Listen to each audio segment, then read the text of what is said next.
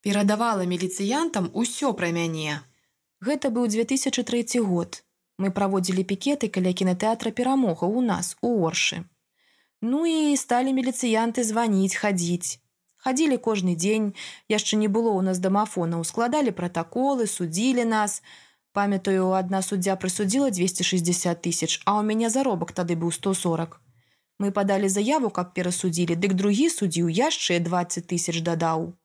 Ну, справа не ў гэтым, а ў тым, што хадзілі за мной міліцыянты. І вось аднойчы я ў гарадскім цэнтры гігіены эпідэміялогіі працавала.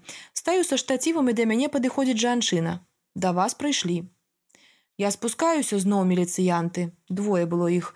Я кажу: дакуль вы будете хадзіць за мной складаць пратаколы, вы што, нам не вучыцеся іх складаць? Яны мне. Если вы еще хоть раз скажете хоть слово на своем поганом белорусском языке, я вас посажу в камеру.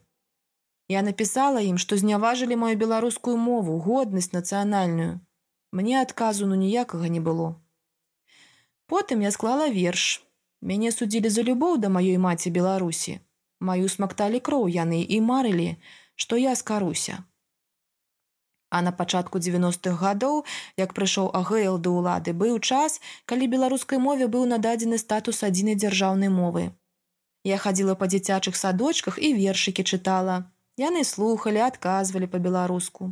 І там знайшлася адна загадчыца, якая перадавала міліцыянтам усё пры мяне. І яны тады мне гаварылі: « Вы ходзіце па садам і навязваеце этот беларускі паганы язык.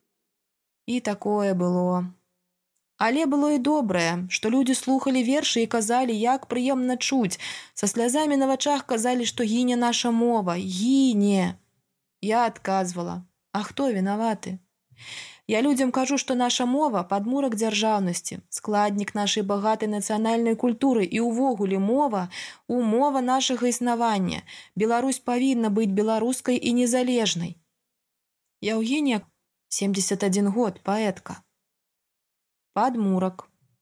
Вялікія моцныя палацы не былі б такімі магутнымі і шыкоўнымі, калі б не мелі нябачнай асновы падмурка. Для народа такім падмуркам з'яўляецца мова, як і падмурак палаца, мова нябачная, але вызначае вялікасць народа.